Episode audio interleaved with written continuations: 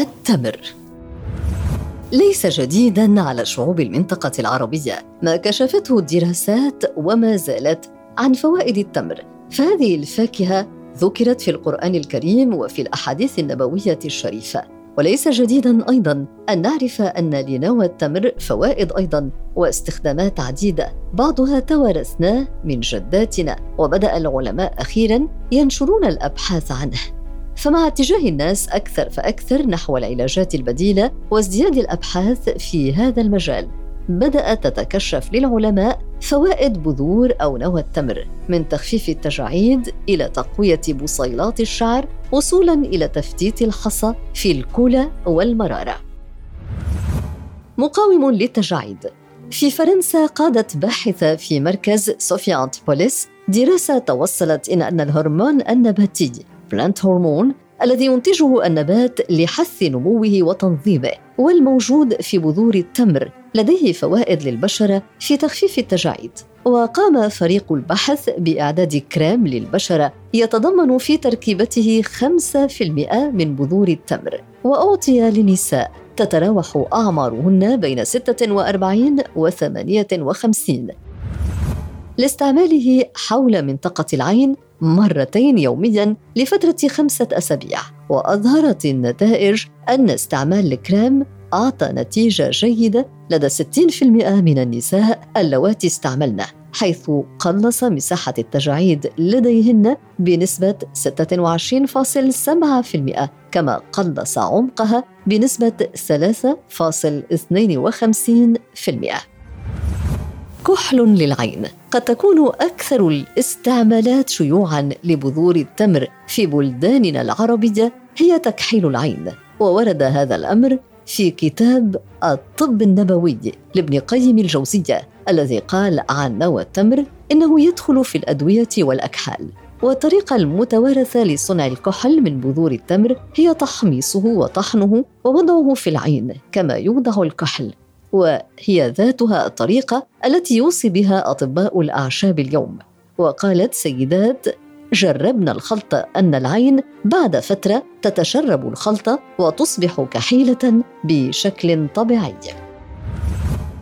يقوي الرموش والشعر. ولطالما سمعنا أن نوى التمر تقوي بصيلات الشعر وهو ما يؤكده الأطباء اليوم. أما طريقة إعداده فهي نفسها طريقة إعداد الكحل.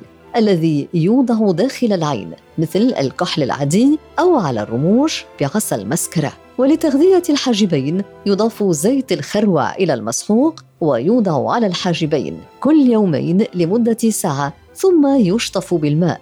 والخلطة ذاتها تستعمل للشعر حيث تدهن فروة الرأس بالخليط للمدة ذاتها قبل شطفه. مكافح لنزلات البرد. نظرا إلى احتوائه على مكونات مقاومة للعدوى الفيروسية بدأ الأطباء في الولايات المتحدة ينصحون بالبذور المطحونة للتمر كعامل مساعد في علاج نزلات البرد والخلطه الأكثر شيوعا في هذا السياق. هي طحن البذور ومزجها مع العسل إن كان الشخص مصابا بنزلة برد أو أي عدوى فيروسية أخرى. بديل للقهوة في الصباح. نشرت المنظمة العالمية للملكية الفكرية وصفة لإعداد القهوة من نوى التمر وذلك من خلال تحميص النوى بعد تنظيفها على درجة حرارة تتراوح بين 60 و 90 درجة مئوية لمدة ساعة وتبريدها بعد ذلك لتصبح بحرارة الغرفة ومن ثم طحن النوى كما تطحن القهوة وتغلى مثلها وتشرب بنفس الطريقة. مفتت لحصى الكلى والمرارة. ومن الاستعمالات الشائعة أيضا في بلداننا لبذور التمر هو تفتيت حصى الكلى والمرارة. والسبب العلمي لذلك هو أن البذور تحتوي على أحماض أمينية وعلى حمض الأكسليك التي إن تفاعلت تساعد في تفتيت حصى الكلى المكونة من أملاح ومعادن. وهناك طريقتان لذلك. إما غلي البذور وشرب مائها يوميا أو تحميصها وطحنها ثم غليها مثل القهوة وشرب ثلاثة كؤوس منها يوميا. فوائد صحية وغذائية أخرى أظهرت بحوث أن نوى التمر المطحون يساعد في منع تسمم الكبد لدى فئران مختبر تم حقنها بمواد كيميائية مسممة ويعود ذلك إلى كونه يحتوي على مواد مضادة للأكسدة ونظرا إلى أنه يحتوي على 5% من البروتين و9% دهون بالإضافة إلى نسبة كبيرة من الألياف. يمكن إضافة دقيق البذور إلى طحين الخبز لإضافة فوائد صحية وألياف غذائية. كما أنه يساعد على تماسك الخبز إذا ما شكل 10% من كمية الدقيق المستعملة.